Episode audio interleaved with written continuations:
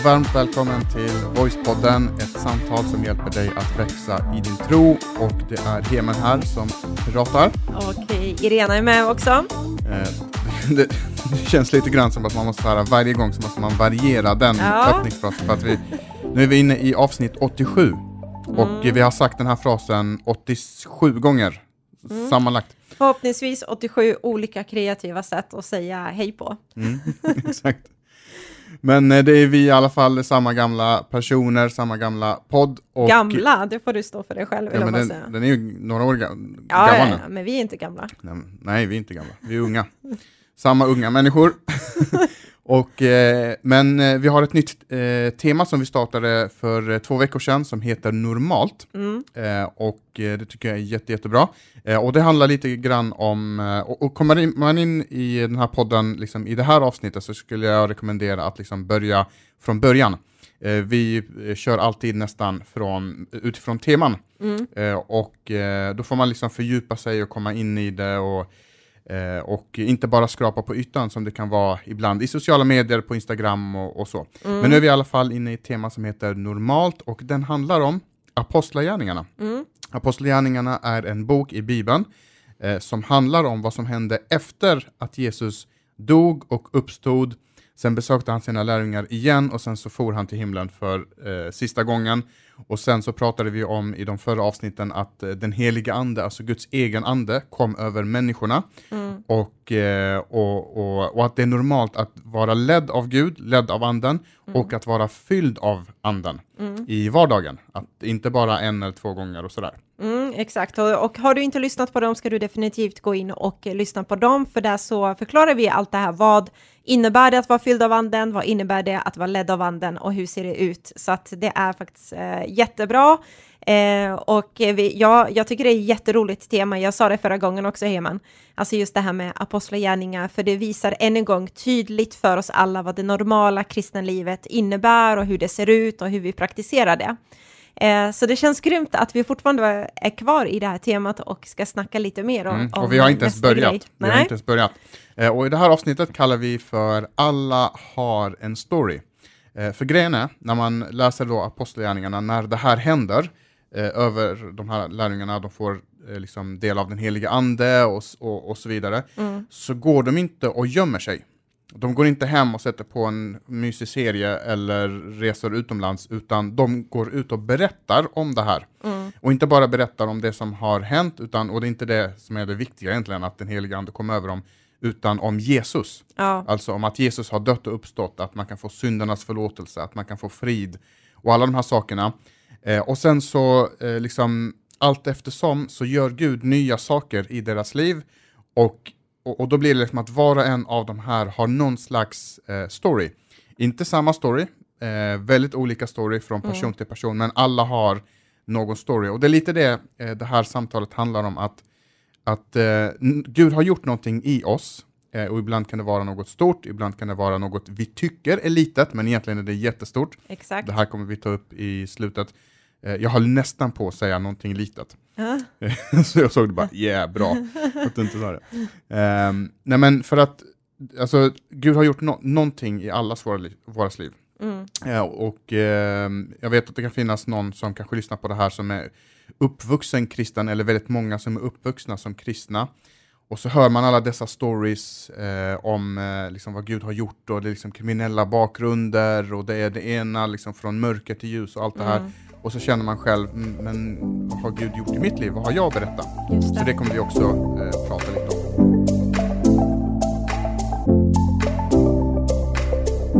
Ja, men precis som du säger så alla har vi en story och det är så viktigt att betona det och så viktigt att du hittar också ja, men vad är min story då? För du kanske inte har hunnit reflektera över det eller så tror du att du inte har någon, så det ska vi också eh, prata om. Förhoppningsvis så kommer det här samtalet att inspirera dig. Jag tänkte på det du sa, liksom att Gud gjorde verkligen mycket där i eh, apostlagärningarna, i bland de första liksom, lärjungarna.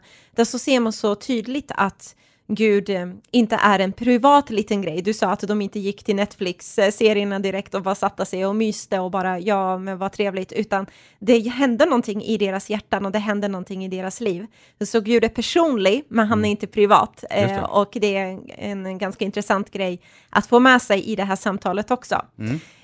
Eh, och vi, vi kommer prata utifrån en händelse som skedde i Apostlagärningarna kapitel 3 och kapitel eh, 4. Och någonstans i den berättelsen så, så säger de så här, vi kan inte låta bli att berätta om allt det som vi har sett och hört. Alltså vi kan inte hjälpa att fortsätta prata om det här. Vi kan inte, liksom, lägga, ni kan inte lägga mun, munkavel på oss, ni kan inte tysta ner oss, utan vi bara måste berätta om det här. Och det är inte måste utifrån att någon tvingar dem liksom, under pistolhot, nu måste ni berätta. Liksom. Utan, utan Gud hade gjort någonting som sagt i deras liv, så de kände sig bara, det här måste alla få, få höra om. Eh, och det visar oss redan liksom, i början av, av avsnittet att det normala som kristen, det är att min kristna tro också får komma ut. Absolut. Att på liksom ett eller annat sätt vid något tillfälle att, att jag får liksom berätta om min tro, vad den har betytt för mig, vad den gör med mig eh, och så vidare. Mm. Eh, och jag vet också att en del kan känna kramp bara av att höra oss prata om det här. Mm. Eh, liksom, eh, och, och så tänker man, "Ah, men lärjungarna, det var ju, de var ju missionärer och, Ja. och ni, ni är pastorer och, och det är därför så här. Mm. Men, det, men det är inte för pastorer bara, och det är inte bara för missionärer, utan det här är till för alla människor. Ja, men absolut. Eh, Alla, all, all, förlåt. Ja, nej men det är det. Jag bara Mm. blir inspirerad. så är det. det är till för alla. Jag håller bara med dig, så Mm. fortsätt du om du ville säga Nej, klart. men det jag skulle säga då är att, att eh, alla ska inte stå på någon hög scen och predika för tusentals Mm. människor, men alla har vi en story och det är egentligen det vi vill fokusera på här. Ja, men det vill vi definitivt göra och vi är supertaggade som du hör båda två kring det här ämnet. Och eh, du berättar om det här att i Apostlagärningarna kapitel 3-4 så kan man läsa där om en händelse. Eh, och den här händelsen, bara i jättekorta drag, så att du förstår vad det är vi refererar till när vi pratar om utifrån att de sa så här, vi kan inte låta bli att berätta om allt det som vi har sett och hört. Det handlar ju om att Petrus och Johannes, som är eh, Jesus lärjungar där, de liksom ska gå upp eh, till templet för den här dagliga bönen. Det var en del av deras vardag. De gjorde det här och så ser de en lam sitta där vid liksom porten. Eh, och när man liksom läser den här händelsen, vad som sker är att de går fram till honom, de vill be för honom, de vill dela med sig av det de har fått och så sker ett mirakel och så blir det en uppståndelse kring det och så ser vi jätteintressanta reaktioner kring vad som händer både i den här mannens liv men också i vad lärjungarna själva säger. Om du inte liksom har koll på den här storyn ska du definitivt lyssna på den nästa gång när vi släpper det här kring det här.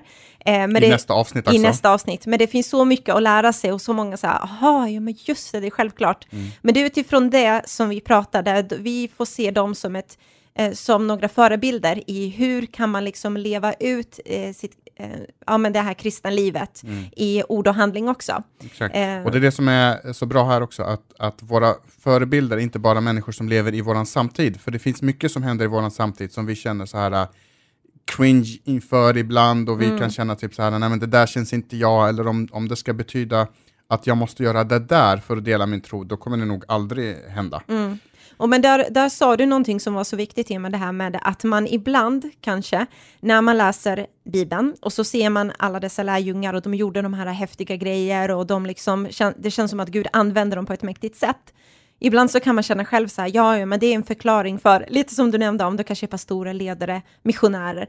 Men när man tittar så var de flesta faktiskt eh, bara vanliga människor med vanliga yrken som fiskare, läkare, entreprenörer, tulltjänstemän. Alltså det var vanliga yrken som vi kanske liksom, om Jesus skulle komma idag i den moderna tiden så kanske vi hade sagt en, en lärare, en förskollärare, någon läkare, alltså samma grej liksom. Exakt, och det, det är en föreställning, Mm. liksom att men det här är bara till för vissa och det är för vissa som har den rollen av ett eller annat skäl. Eh, en annan föreställning som jag också eh, liksom har, har stött på, eh, det är just det här att det finns vissa personer inom kristenheten som hörs väldigt mycket Mm. och som tar väldigt mycket plats. Och på grund av det eh, så tror man att om jag, måste be, om jag ska dela med mig av min tro så måste jag göra det på det sättet som den och den. Mm. Och jag vet, förlåt, men Mm. jag vet eh, en klassisk eh, version av det där. Eh, som, jag vet inte om du håller med mig, men jag kommer ihåg själv att jag, det finns ju vissa som hörs och syns väldigt mycket och de gör det väldigt mycket ute också, där man står kanske med en megafon eller mikrofon eh, och sen så vill man liksom utifrån en kanske passion och övertygelse liksom dela sin tro på det sättet. Och sen så är det vissa som pratar om att dela sin tro som att det där är det enda rätta sättet att dela sin tro. Är du inte på stan och vittnar eller är du inte den som knackar dörr så liksom, ja, du är inte med i gamet helt. Mm. Och sen så känner man själv så här när man ser någon där på stan eller man ser andra människor som gör, uttrycker det på det sättet att det där är det enda rätta sättet att dela sin tro, då känner man så här, oj, om det där innebär det, då vet jag inte riktigt om jag platsar. Alltså då, då är det bättre att jag bara håller tyst, gör mm. min grej, jobbar och försöker leva nära Gud och sen så blir plötsligt Jesus någon privat liten grej fast mm. man kanske inte ville alls det från början. Exakt, och det är lite synd mm. för att det är så många stories, så många berättelser som går förlorade just på grund av det där. Um, och jag vet att du, du nämnde en sån här grej hemma med att många kan få kramp av att ens tänka tanken att man ska göra det. Mm. Och jag förstår verkligen hur det är. Jag vet hur obekvämt och pinsamt ibland det kan bli när man sätter sig in i situationer där man känner så här, det här går emot hela liksom mitt sätt att vara som människa nästan så. Mm. Uh, och uh, jag tänkte så här bara jättekort, har vi tid för det? Mm. Vi skapar tid, eller ja, vi, vi gör oss tid. Precis, det får bli 33 minuter. ja, exakt. Uh, men jag kommer ihåg, liksom, på tal om det här story, att, att alla har vi någonting uh, att ge. Eh, och jag kommer ihåg när jag var på en, en resa, nu i det här fallet var det faktiskt en missionsresa, och då fick jag i uppdrag att jag skulle stå där massa, bland massa människor jag inte kände och så skulle jag berätta liksom ett vittnesbörd som det heter, eller en story om vi nu ska göra det lite modernt och så, mm. eh, om vad Gud har gjort. Liksom, vad är det Gud har gjort i ditt liv? Vad är det du vill dela med dig? Liksom? Och det kan vara allt ifrån din frälsningsupplevelse, det kan vara något Gud har gjort av någon annan grej och så vidare. Och, och så tittade jag tillbaka på min egen story och så tänkte jag så här, ja men, ja men jag vet en grej som verkligen kan imponera och jag vet en annan grej som verkligen kan vara häftig. Min är inte så, så jättemärkvärdig tyckte jag då, utan då liksom ville jag uh, vara med och berätta någonting som andra skulle bara wow, vilken grej vad Gud mm. gör. Eh, och jag var med om en grej som var ganska häftigt faktiskt, för eh, jag var med och eh, det, innan den här resan så eh, pratade jag med en, en nära eh, vän till mig Eh, och, eh, eller i släkten var det faktiskt. Mm. Eh, och den här personen försökte typ sluta röka, så hon försökte sluta röka jättelänge. Hon liksom testade olika metoder, men det var ingenting som funkade. Eh, så en kväll satt vi och pratade om det här och från ingenstans, eh, jag tror att i det här unika fallet så var det verkligen någonting som Gud liksom gjorde i mitt hjärta. För jag var så här, nej men vi ber att Gud hjälper dig. Och mm. jag hade sån övertygelse, alltså det kom verkligen inte av mig själv. Och det kan jag verkligen vittna om att det bara, ja men jag tänkte så här, det är kört för dig mm. liksom. Men i den stunden, då var det verkligen, jag vet att jag vet att jag vet att Gud kommer hjälpa dig liksom direkt.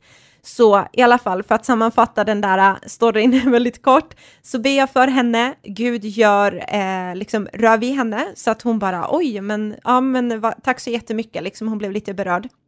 Dagen efter när hon trodde att hon skulle känna så här sug, så kände hon ingenting, mm. ingen nikotin, nikotinsug överhuvudtaget. Och för henne var det så här, va, vad är det som har hänt? Jag bara, ja, jag vet inte, alltså det där är häftigt, typ, mm. för att Gud gjorde någonting. Och det, så... och det där är en sån här typisk uh, story, liksom. Ja, som, och, eller hur? Och, och det, det, är klart den ska berättas, för mm. att det, det, är ju någonting som Gud verkligen gör.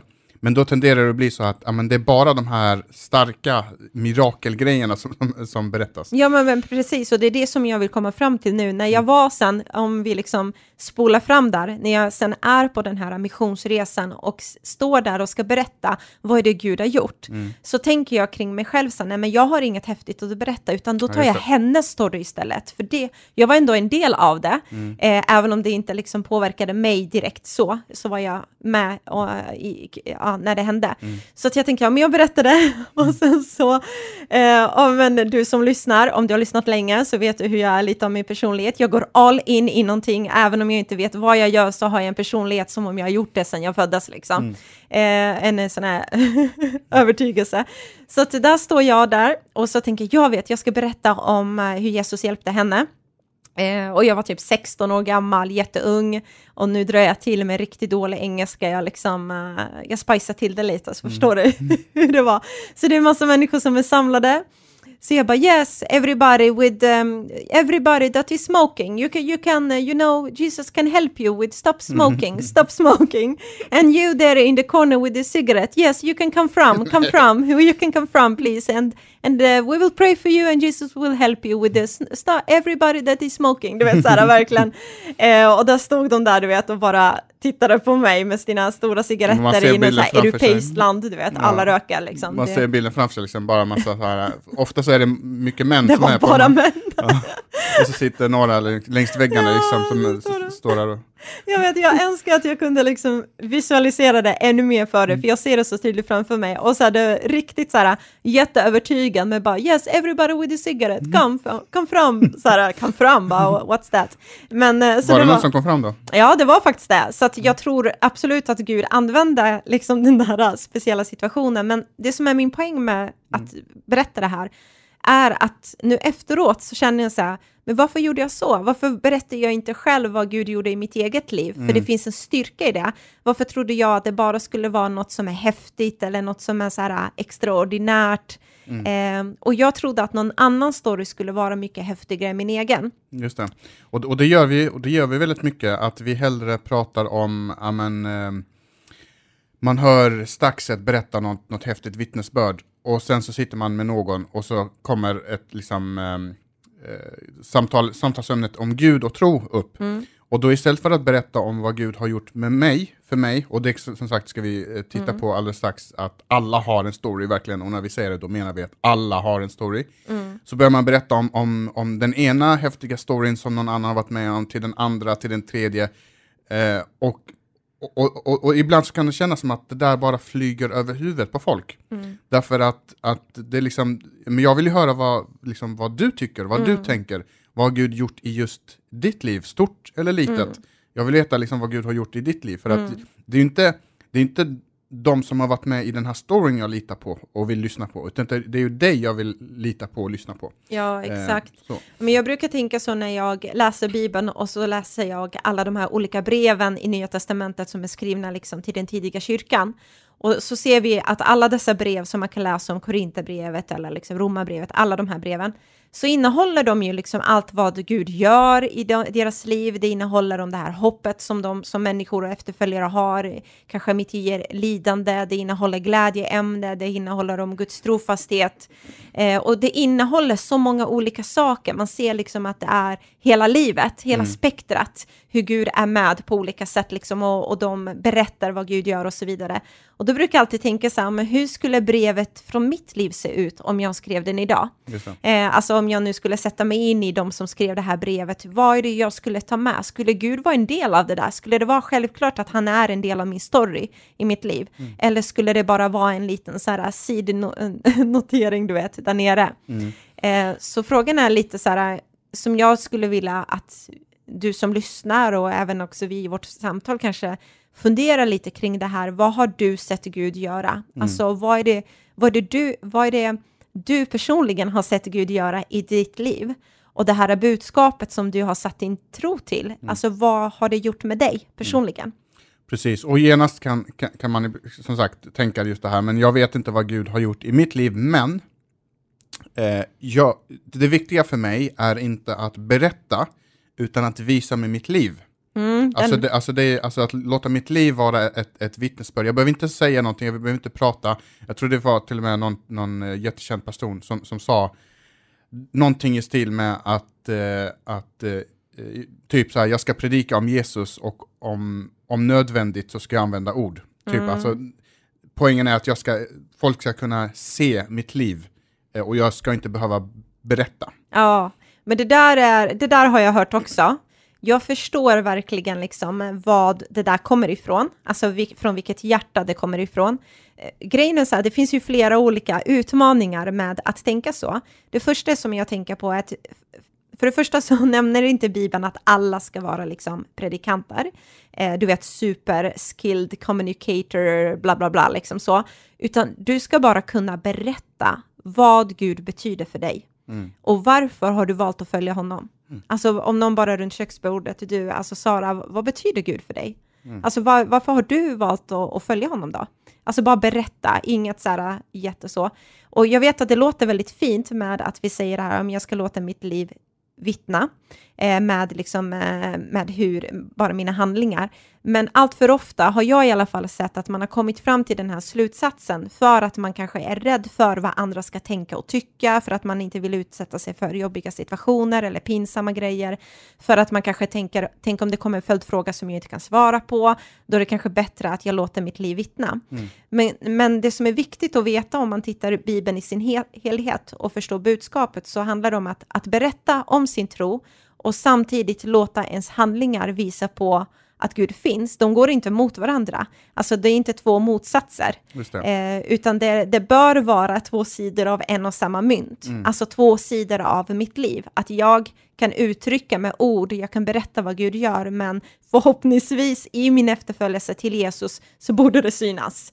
Eh, alltså det här med andens frukt vi har pratat om och sådana saker. Liksom. Det kan liksom. vara ett annat problem ibland, att man pratar för mycket men det är noll handling. Ja, liksom. vi, exakt. Man, man, ser, ja, in, man ser ingenting, man, man pratar om kärlek men man visar inte Folk, folk omkring visar inte kärlek, så det är också liksom, eh, fel på det sättet. Så att det är mm. precis som du säger, det är, liksom, det är inte det ena eller det andra, utan det är eh, både och. Mm. och. och. det är just därför eh, apostlagärningarna börjar eh, just med det. När, när Lukas skriver då apostlagärningarna så säger han just det här att i min förra skrift, då berättade jag om vad Jesus gjorde och lärde. Mm. Alltså han, han både gjorde saker med sitt liv, hans liv vittnade om vem han var, men han också sa saker och han undervisade och han lärde och han pratade. Mm. Så det är inte antingen det ena eller det, det andra och man kan inte gömma sig bakom det ena eller det andra. Mm. Ja men absolut, och jag tror det finns flera olika liksom, ställen i Bibeln som man kan se där det pratas både och. Eh, det pratas om att vi ska vara redo eh, och kunna förklara vår tro, mm. eh, står det jättetydligt. Men samtidigt så står det också att jag visar min tro genom mina handlingar, som det står i Jakobsbrevet. Så okay. än en gång, Bibeln säger, eh, liksom, det är inte två motsägelser, utan det är två sidor av en och samma mynt. Och det Exakt. tror jag är viktigt att man, att man förstår det. Mm. Ett annat bra bibelställe och, och kring just det här, det är Romarbrevet kapitel 10 mm. och vers 14. Där står det så här att Um, och, det är ett litet resonemang som uh, Paulus, som har skrivit det här brevet, för. Han säger så här, typ att, uh, men hur ska de kunna åkalla honom som de inte har kommit till tro på? Alltså hur kan man ropa till Gud om man inte kommit till tro på honom? Och hur ska de kunna komma till tro på någon som de inte har hört om? Mm. Som ingen, om de inte har hört om honom, hur ska de kunna liksom, åkalla honom?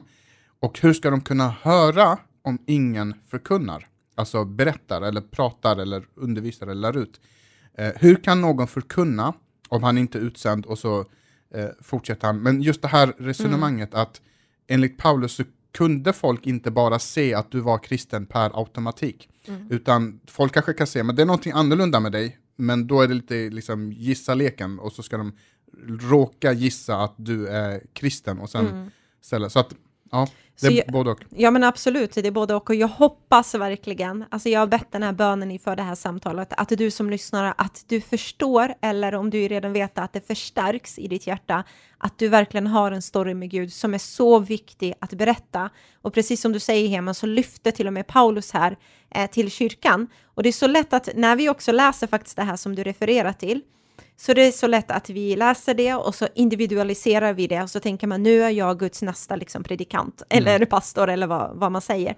Men brevet är också skrivet till de kristna i församlingen i Rom. Mm. Och det här uppdraget om att berätta, det här uppdraget att dela sin story, eh, det har liksom kyrkan fått att förvalta. Vi har ju en berättelse att berätta och det handlar ju om liksom det Jesus har gjort. Mm. Eh, och det är vårt gemensamma uppdrag att göra det, att förverkliga det som är liksom Guds syfte med, med hans kyrka, vad som är Guds mission i den här världen, liksom vad Gud vill göra genom sin kyrka och så vidare. Mm.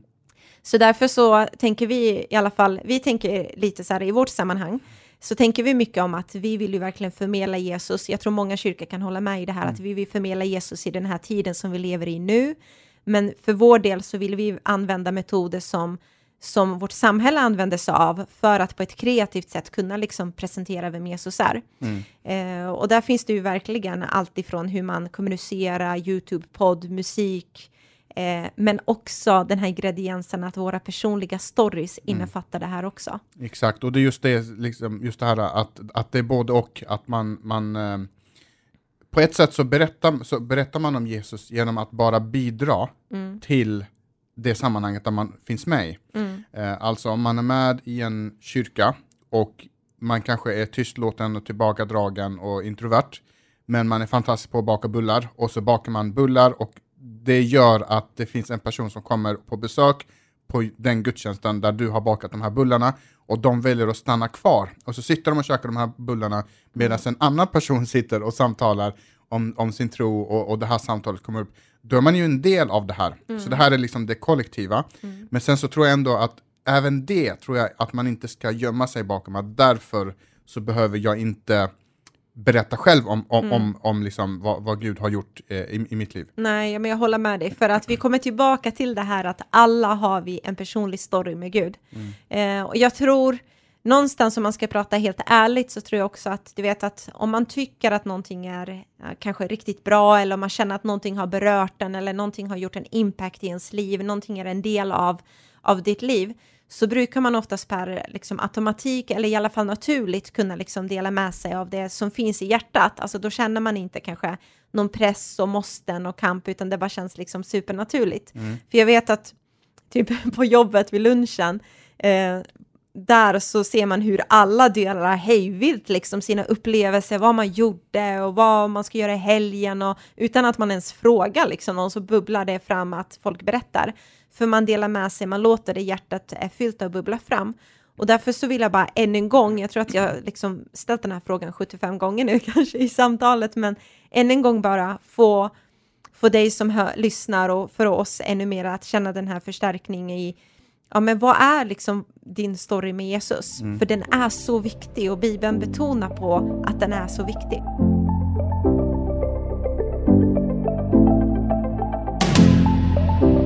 Och, och nu kommer ju den här frågan som egentligen så är jag och du fel personer att eh, svara på den.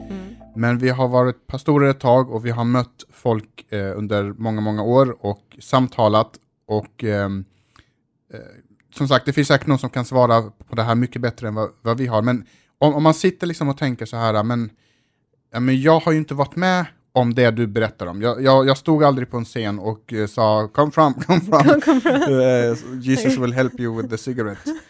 um, alltså, hur, hur, hur ska man tänka då? Mm, precis, eh, att man känner så ja. Alltså jag tror att det är många som kan känna igen sig i din beskrivning. Jag tror till och med att vissa kan känna nästan en sorg, om de ska vara ärliga över, som om de har typ gått miste om någonting. Du vet, man har gått miste om att vara där ute i världen, alltså så här, som vissa kanske har uttryckt liksom. Precis, jag var inte nära att dö, Ja. eller jag, jag satt inte i fängelse, eller jag höll inte på att ta en överdos. Eller, Ja, exakt. Alla, alla dessa saker liksom som man hör om, som Gud hjälper människor ur. Men en fråga som jag då skulle vilja ställa tillbaka i så fall till den personen som kanske känner så här, ehm, och om du lyssnar också känner så, eh, då är min fråga så här, men känner du Guds frid? Mm. Alltså känner du Guds frid i, i ditt liv? Eh, och visste du om att frid är faktiskt en hård valuta i vår värld? Alltså alla människor vill ha det, men det är ingen som vet riktigt vart man kan få det. Den här långvariga friden som inte bara kommer när du köper någonting och så försvinner det dagen efter, utan en frid som består. Eh, och, den, och den här friden som du och jag nästan naturligt och liksom nästan tar för givet, alltså så för att det är en självklar del i våra liv, för att Gud är där, så verksam i våra hjärtan. Jag tänker, kan det då vara värt att du och jag, som vet var man kan få den här friden, att vi berättar om det för andra? Det. Alltså ibland så kan det vara så att, att vi tror att Gud blir större och mäktigare ju värre någons story är. Eh, och jag tror för vissa så kan det vara att man känner att den storyn är så avlägsen, man känner inte alls igen sig, utan man behöver faktiskt höra din story. För att det är din vän, det är din kollega, det är din liksom familjemedlem, de känner dig och de, du rör dig i deras sfär eller i deras värld och de behöver höra liksom vad, vad har Gud gjort i ditt liv då? Exakt, Eh. och, och, och det här, jag tror att man ibland pratar över huvudet på folk för att man kan sitta med sin eh, tjejkompis till exempel och, eh, och så känner man att nu är läge, nu, nu liksom hon, hon har öppnat upp sig och nu är läge för mig att berätta. Eh, och så drar man till med alla dessa liksom, YouTube-videos man har sett. Det var någon som fick sitt ben växa ut och det var någon som gjorde, var med om det här. Och allt det där, som sagt, jättehäftigt. Någon v- var liksom med i ett kriminellt nätverk och blev fri från det och alla i nätverket blev eh, frälsta och alltihopa. Men så sitter den här personen, okej men vad har det här med mig att göra? Mm, Här sitter jag med min ångest. mm, Jag lider av ångest, varje dag så lider jag av ångestattacker. Vad har det här med mig att göra? mm. Och då kanske du också sitter där och har haft ångestattacker och så har tron hjälpt dig, men du, du lät bli att berätta om det Mm. för att du tyckte att men, att bli av med ångestattacker, det är väl, det är väl inget eh, liksom, häftigt. Eh, utan utan du, då fokuserar man på allt, allt det här andra häftiga. Och det kan vara frid, till exempel. Mm. Jag känner ofrid i mitt hjärta och istället för att berätta, fast jag har frid, Mm. jag kan berätta hur du kan få det, så går vi och berättar om alla så här liksom, jättehäftiga och stora grejer som, det är inte det den personen behöver just där och då. Ja, och jag tror du har en sån poäng i det Heman och jag skrattar för mig själv här när du berättade för att jag gjorde verkligen alla de här grejerna. Alltså alla dessa missar har jag verkligen been there, done that, alltså twice liksom. För att, jag kommer ihåg, jag gjorde det med min kompis, jag ville så gärna berätta för henne om om vem Gud är och hon har ju känt mig sedan barnsben, alltså vi lekte sedan vi var typ så här 7-8 år, så hon har verkligen följt hela min resa och sen var vi 16-17 år gamla och ännu en gång ska jag bara berätta nu vem Gud är. Och jag gjorde verkligen det. Jag hittade någon så här jättefamous predikant som var supercool och häftig tyckte jag och han hade en, en intressant story. Så på den tiden var det ju så här kassettband, kommer du ihåg det? Ja, det. Mm. Ja, så jag bara, du, du måste få höra. Hon bara, men kan inte du berätta varför du tror på Gud? Jag bara, jag ska, men lyssna på det här först. och så bara satte jag på typ hans Mm. band, jag gjorde det här på riktigt, och lät honom berätta. Så var det så här tyst och hon bara lyssnade och sen efteråt jag bara, så vad tyckte du? typ, alltså, Mm. för att man liksom än en gång, man sätter andra story på en piedestal. Mm. Och jag tror det är så viktigt att när Gud har tagit någon från vi har liksom människor i vår kyrka som verkligen har liksom kriminella bakgrund och missbruk och allt möjligt liksom och, och deras story är bara wow vad Gud har gjort och räddat dig ifrån. Men sen har vi många i vår kyrka också som är liksom trygga, uppväxt, aldrig liksom rört en, någon, någon eller gjort någonting liksom. Aldrig, aldrig sett en cigg i verkligheten. Nej, men, ja, men precis. Så här blandat. Och därför är våran poäng med det här är inte att det ena är bättre än det andra, det ena är mer relevant än det andra, Exakt. utan det är så viktigt att vi inte lägger varandras story på en piedestal, utan Mm. allas våran story behövs. Det ena är inte bättre än den andra. Och, och Gud blir ju inte större bara för Nej. att man berättar en häftigare story. Utan Gud blir stor när vi berättar alla story. Mm. Då, då vi får se, wow, han gjorde det där med den personen, och så hände det där med den personen, och så hände det här med den personen. Precis. Då blir Gud stor. Ja. Då tror jag folk känner, men det, det här känns på riktigt, det här känns äkta liksom. Mm. Ja, men definitivt. Och det som är viktigt att veta är just att resultatet, om man nu ska prata så, är ju samma sak. Alltså både från den eh, värsting värsting till den eh, lilla Lotta på Bråmakargatan eller vad du nu vill ta för liksom, stereotyper, är att vi har gått från mörker till ljus. Vad jag menar det med det är från andligt, att vi är andligt döda, vi får inget liv, liksom till att vi får ett evigt liv tillsammans med Gud. Exakt. Och Jesus är den stora huvudkaraktären i våran story. Exakt, så oavsett om jag har varit kriminell eller jag har levt eh, ett tryggt kristet liv Mm. så har jag ändå gått från samma mörker, från samma andlig, andliga död till andliga liv. Ja. Eh, det går liksom inte att lägga dem på en våg och säga att den ena är viktigare och väger mer. Eh, och, och här, för jag, jag tillhör de som har varit med om en så här jättestark upplevelse liksom. Eh, och där har jag ibland känt att, eh, för ib- ibland liksom, ha, ge mig berätta, berätta, och speciellt för jag vä- växte upp som muslim.